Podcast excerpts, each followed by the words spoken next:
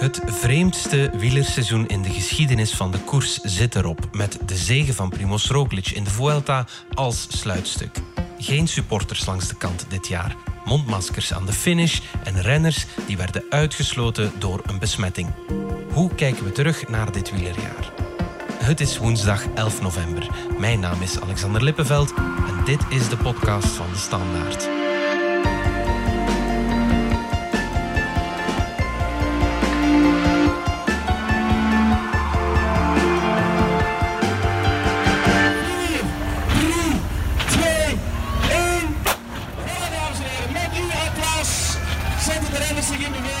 Het was een bijzonder seizoen met amper supporters langs de kant. Bieke Purnelle, jij schreef tijdens de Tour en ook daarna nog een veelgelezen column voor de Standaard. Wat was jouw favoriete wielermoment dit seizoen? Goh, moeilijk kiezen, hè? Het was zo'n uh, wild en bewogen seizoen dat ik het heel moeilijk vind om er eentje uit te halen. Maar ik ga toch voor de Strade Bianchi. Ja, iedereen keek zo uit naar die eerste mooie Toscaanse koers. Veel meer dan anders, denk ik. Ook omdat het de eerste was. Dus dat speelde zeker mee. Ik blijf het ook een van de mooiste vinden. En dat heeft heel veel te maken met, de, met het prachtige landschap natuurlijk. En met die aankomst op de Piazza del Campo. En natuurlijk was er Wout. Wout, als Wout van Aert. Vorig jaar maakte hij een verschrikkelijke val in de Tour. Het was afwachten wanneer en of hij nog zijn oude niveau zou halen. Ik denk uh, dat het heel wijs is om, uh, om eerst even af te wachten hoe de komende maand loopt. Uh, daarom wil ik nog eens benadrukken dat, het, dat ik er fysiek echt klaar voor moet zijn. En dat de mensen die, die mijn herstel opvolgen, Lieve Maaschalk en Don Klaas, dat zij ook op die moment het opportun achten om, om echt die comeback te maken. Hij is eigenlijk beter teruggekomen, hè? Absoluut, ja, dat kunnen we wel zeggen. Ik denk dat hij dat zelf ook wel uh, zal beamen. Ja. Primoz Roglic, een van de favorieten van de Tour, had een van de strafste renners in zijn ploeg, Jumbo-Visma, dat was Wout van Aert. Hij heeft na de Strade Bianchi ook nog Milan-San Remo gewonnen, twee ritten in de Tour, Belgisch kampioen tijdrijden. Was Wout de strafste renner van dit jaar, of was het toch Julien Alaphilippe van de Koning Quickstep? Nee, dan zou ik toch gaan voor Wout. Okay. niet, eh, niet, niet per se uit chauvinisme hoor. Um, maar als je kijkt naar degens, ja, dan vind ik dat al redelijk duidelijk. Maar toch vooral de compleetheid van de renner van Aert. Dat je ja. uh, en een massasprint kan winnen en een zware eendagswedstrijd. En bergop alle klimmers kunt doen kreunen. En de dag nadien gewoon even bidons gaan halen. En vervolgens ook nog eens tweede wordt uh, op het WK tijdrijden. Ja, dat is iets dat we heel lang niet meer gezien hebben. Hè. Wielrennen heeft heel lang uh, ingezet op specialiseren. Hè. Renners moesten zich echt specialiseren in iets. En ja. dat is blijkbaar uh, weer helemaal passé. Ik ben daar heel blij om. Ik denk dat hij met stip de meest complete renner van het seizoen was. Ja. Vorig jaar maakte hij die akelige val in de Tour. Is de tijd die hij had tijdens het voorjaar misschien wel een van de redenen waarom hij zo buitenaard sterk is teruggekomen. Hij kon zich volop focussen op zijn herstel tijdens de lockdown. Ja, dat zou kunnen. Dat iets meer tijd hem wel deugd heeft gedaan. Maar ik denk toch ook dat de manier waarop die ploeg is omgegaan met die tijd, dat dat een heel groot verschil heeft gemaakt. Want iedereen had natuurlijk plots uh, veel tijd. En sommigen hebben met tijd zinvollere dingen gedaan dan anderen, denk ik. Die hele boek was echt goed. Hoe Robert Geesink ook in de Vuelta tekeer ging en in de Tour. Ja, die waren allemaal aan het pieken. Dus ik denk dat de ploeg dat gewoon heel slim heeft aangepakt. Wat zeker niet evident was hè, in die tijd. Ik denk dat Jumbo zich bijvoorbeeld echt onderscheiden van de andere ploegen door van bij het begin uh, van de lockdown bijvoorbeeld meteen een heel slim plan op te stellen. Uh, met natuurlijk wel nog ruimte voor hoogtestages, maar ook met aangepaste schema's. Wat echt niet evident is, hè, want de renners leven op een soort biologische koersklok. En die is echt afgesteld op een seizoen als wij al decennia de seizoenen kennen. En als dat wordt omgegooid, is het echt niet evident om je hele schema aan te passen en aan elke renner apart ook aan te passen. En dat hebben zij slimmer gedaan dan alle anderen. Hoe kijk je terug op het uh, coronaseizoen 2020, Bieke? Ik heb heel vaak eh, met twee schermen voor mijn neus eh, gezeten, met daar nog een smartphone in mijn hand om nog een derde koers te kunnen volgen. Ja, spannend wat dat betreft. Ik had ogen tekort. Je zag ook wel, en ik denk dat we dat te weinig hebben gezegd, dat de renners het soms ook wel moeilijk hadden om dat tempo te volgen. Allee, er is echt wel op niveau gekoerst, maar het was toch echt heel veel. Er is gewoon een heel seizoen in drie maanden gepropt. En ik denk dat dat voor heel veel renners verre van evident was. Ja, er is het meest gesproken over de Tour natuurlijk, maar bij uitbreiding over de drie grote rondes. Is er echt geen enkele besmetting in de doofpot gestoken? Ha! dat is een hele goede vraag. Daar is natuurlijk veel over gezegd. En uh, er is ook wel van alles gesuggereerd. We weten het niet. Nu denk ik wel dat je dat als ploeg en ook als organisator totaal niet kan permitteren om daar een risico in te lopen. Stel je voor, je stopt zoiets in de doofpot. Volgens mij komt dat uit. Als je renners in koers houdt die mogelijkerwijs een hele ploeg besmetten, ja, dat, ik denk dat dat een risico is dat je gewoon niet kan lopen in deze tijden. Iedereen zat met een vergrootglas naar die wedstrijden te kijken. Er was best wel wat kritiek op het feit dat de wedstrijden mochten doorgaan. En eigenlijk vind ik het ook niet zo gek dat het veilig kan. Een voetballer die gaat na een wedstrijd naar huis, komt in contact met zijn gezin, met familie. Ik denk dat weinig dingen zo veilig te organiseren vallen als een grote ronde. Die renners hoeven helemaal met niemand in contact te komen, buiten met, bij hun eigen ploeg. Worden constant getest. Dus volgens mij is het echt wel mogelijk om zoiets te organiseren zonder dat er besmettingen of toch een minimum aantal besmettingen plaatsvinden. Maar er waren wel momenten in de Tour waar er wel een massa op die bergflanken stond en waar je je wel zorgen om kon maken natuurlijk. Ja, de Pyreneeën waren een heel goed voorbeeld. Ja. ja, dat was hoe het niet moest. Hè. Maar goed, uiteindelijk ja, is het zonder gevolg gebleven. Toch alleszins bij de renners. Of er bij publiek besmettingen waren, ja, dat weten we natuurlijk niet. En dat zullen we nooit weten. Yeah, it's just unbelievable. Huh? Uh, it was so close. Huh? Uh, now I saw. Uh, yeah, uh, just never stop believing and really pushing uh, till till till the last meters or actually centimeters. And I'm super happy that I managed to win.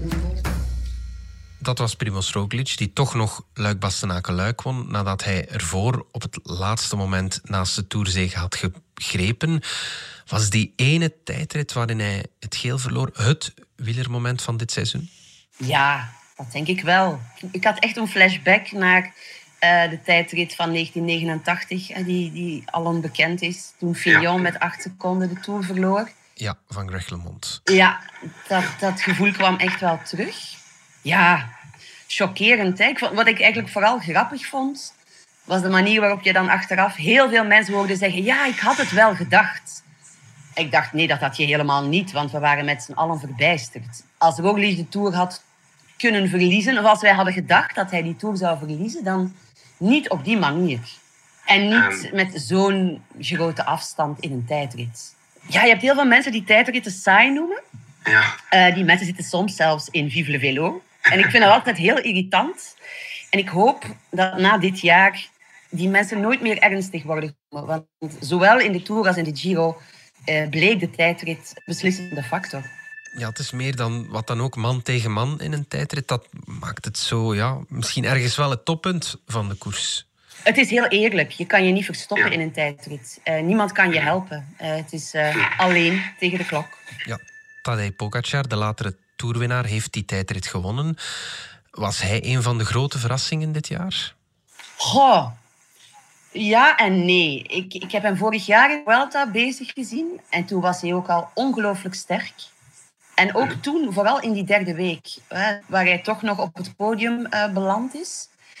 Dus we wisten eigenlijk toen al van, ja, dit is er eentje om heel scherp in de gaten te houden.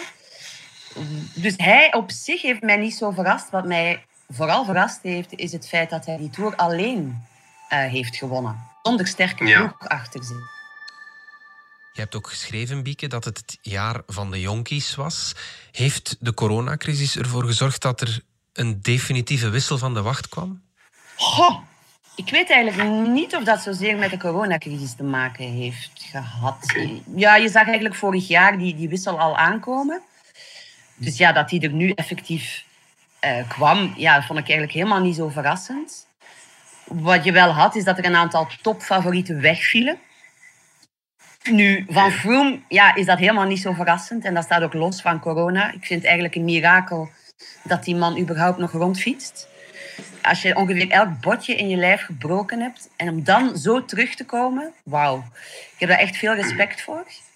En dan de Colombianen natuurlijk. Hè. Dat waren, waren misschien wel de renners die mij het meest ontgoocheld hebben. En daar denk ik dat de coronacrisis wel een rol heeft gespeeld, want Colombiaanse renners hebben heel lang niet kunnen trainen buiten op de weg. Ja, en dat, dat bekoop je natuurlijk. Dus dan kan je twee dingen doen. Of je hebt te weinig getraind, of je gaat in de korte periode dat je wel mag trainen, zo intensief trainen dat je jezelf eigenlijk eh, geweld aandoet. Hè, wat ja. wellicht met Bernal is gebeurd. Ja, inderdaad. Toerwinnaar van vorig jaar. Die ook nog heel jong is en die we ook zeker niet moeten afschrijven. Die komt absoluut terug op een goed niveau. Daar ben ik echt zeker van. We gaan er even tussenuit voor reclame. Alleen op traditie kan je niet teren. Het is heel belangrijk dat je blijft die toegevoegde waarde creëren voor de klant. En alles beweegt. Een podcast waarin Vlaamse CEO's en prominente HR-managers vertellen hoe ze hun onderneming en werknemers in beweging houden. Beluister de reeks op jouw favoriete podcast-app. VDHB en alles beweegt. Laat ons even vooruitkijken naar volgend jaar. Staat de wielerkalender ook in 2021 op de helling of gaan we daar niet van uit? Ja, er zijn al wat koersen afgelast. Hè. De Cadel Evans Road Race, de Tour Down Under. Hè. Ja. Dat zijn zo de koersen waar dat het jaar mee start aan de andere kant van de wereld. Die gaan niet door. Of er in Argentinië gekoerst zal worden, is ook zeer onzeker. Ik verwacht eigenlijk van niet. Dus ja, ik hou daar echt mijn hart voor vast.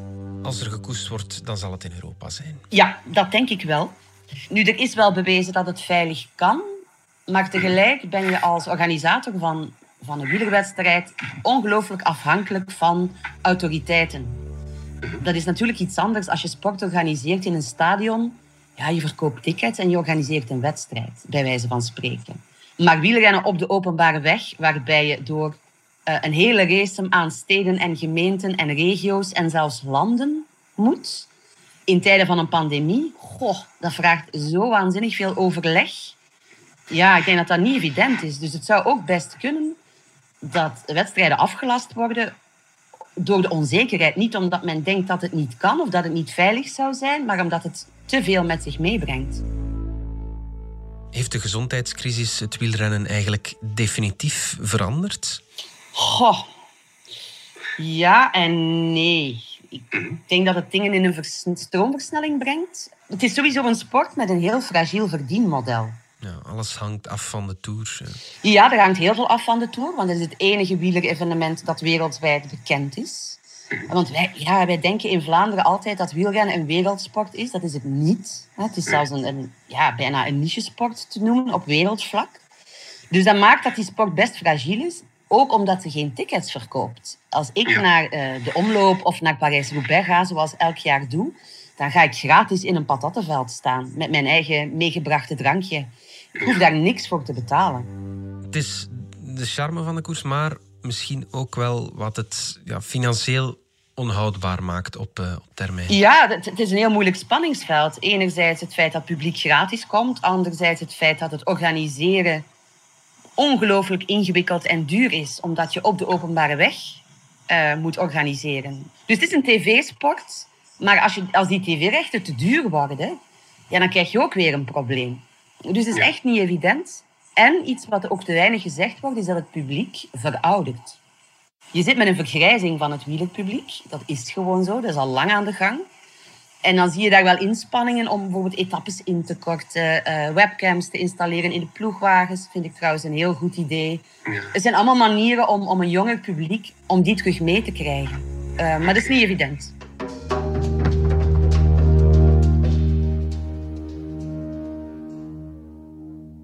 Veiligheid stond natuurlijk centraal dit jaar. Niet enkel coronaveiligheid, maar ook de veiligheid van de renners zelf tijdens de koers. De doodsmak van Fabio Jacobsen eh, de Nederlander van de Koning Quickstep in de Ronde van Polen. Dat lijkt al een tijdje geleden. Begin augustus was dat, maar die moet toch iets wakker gemaakt hebben in het peloton. Ja, je zag, je zag het vorig jaar ook al. Hè. Er is toen ook best veel gemord. Ja, we praten er al zo lang over, over die veiligheid. En ja, er gebeurt eigenlijk betrekkelijk weinig. Laten we daar eerlijk in zijn. Je kan dat ook niet altijd alleen maar op de organisatoren afwentelen. Want ja, renners moeten zichzelf natuurlijk ook verantwoordelijk gedragen. Ja. Maar dat is niet evident. Want je wilt winnen en er hangt veel van af. En als je dan ziet dat er nog aankomsten bergaf uh, worden gelegd... of dat er dranghekken worden geplaatst waarvan iedereen weet dat ze niet veilig zijn... Ja, dat is redelijk onbegrijpelijk. Maar wielrennen is ook een heel feodale sport. Hè? Nog altijd. Bovenaan staat het geld, de sponsor. Daaronder de ploegmanager. En eigenlijk is de, de renner degene die het allerlaatst komt. En die het laatst wordt gehoord. En ik denk dat dat besef nu er wel is dat daar iets aan moet veranderen. Hè? Er is een wielrennersvakbond. Maar daarvan zeggen renners dat hij hen niet hoort. Of hij niet vertegenwoordigt zoals het moet. En te nauwe banden heeft met de UCI dus gewoon niet onafhankelijk is. Wordt het peloton mondiger? Ik vind dat de renners over het algemeen mondiger zijn geworden eh, de afgelopen jaren. Vind ik een hele goede zaak. Er is bijvoorbeeld in de Giro een rit onder druk van de renners heel fel ingekort. Dat leek mij vroeger ondenkbaar. Het gebeurde hoogst zelden. Hè? Dus iets dat we nooit zagen, rennersstakingen. Nu hebben we er toch wel een paar gehad in een paar jaar tijd. Dus dat is toch een duidelijke tendens. Als het over veiligheid van renners gaat en over de omstandigheden waarin ze moeten koersen, zijn zij eigenlijk voor mij de enigen en de eersten die moeten gehoord worden. En dat gebeurt gewoon te weinig. Als 2020 het definitieve doorbraakjaar van Wout van Aert op de weg dan toch was, dan moet 2021 het jaar van Remco Evenepoel worden na zijn doodsmak in de Ronde van Lombardije. Hello everyone, it's Remco here. I just want to say that I'm doing very well for the moment. I've had a good transfer to a Belgian hospital now. Wat denk je, Bieke? Gaat Evenepoel het waarmaken? Die druk op zijn schouders die wordt toch stilaan gigantisch, hè? Oh, verschrikkelijk. Mocht het mijn zoon zijn, ik zou echt niet meer slapen, eerlijk gezegd. Ja, die jongen moet blijkbaar de, de droom van een hele natie vervullen. Ik heb soms het gevoel dat hij bijna alleen maar kan verliezen van zodra dat hij op een fiets kruipt, gaan we ervan uit dat hij wel zal winnen. Ik denk wel dat hij daarmee om kan.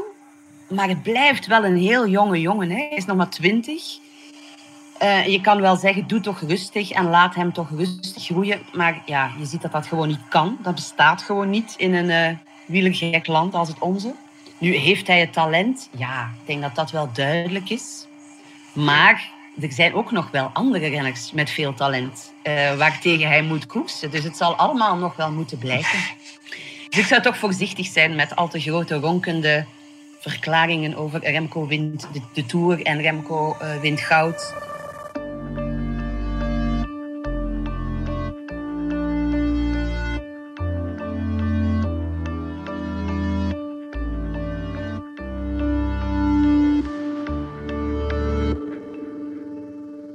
Over naar het vrouwenwielrennen, Bieke. Ik heb de indruk dat er dit jaar meer aandacht voor het vrouwenwielrennen is geweest. Klopt dat of niet? Ja, dat klopt zeker. Is ook iets dat al een paar jaar aan de gang is. Nu, veel mensen zijn intussen al vergeten dat wij nog maar sinds 2018 vijftal vrouwenwedstrijden op televisie kregen. En voordien werden ze gewoon niet uitgezonden.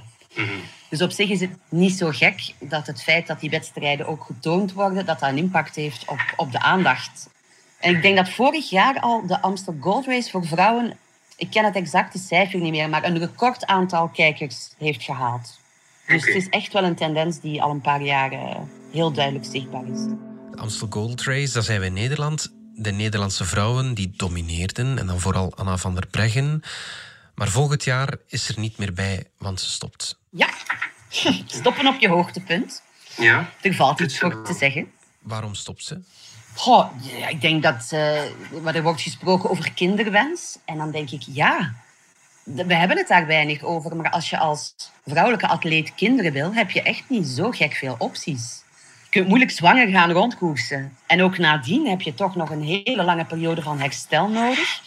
Dus eigenlijk betekent het de facto dat je anderhalf jaar tot twee jaar oud bent. Dat is enorm lang. En heeft ze dan nog een toekomst in de wielerwereld? Ja, er, de- er wordt gezegd dat ze ploegleidster zou worden. En eh, ja, ik denk dat dat een uitstekend idee is. Dat iemand is met ook een persoonlijkheid die zich daar echt toe leent. Heel rustig, eh, vrij analytisch. Ja, iemand die uiteraard de koers door en door kent. Dus waarom niet? En als dat is wat zij wil en dat is hoe zij haar eigen carrière verder ziet, dan moet ze dat vooral doen, denk ik.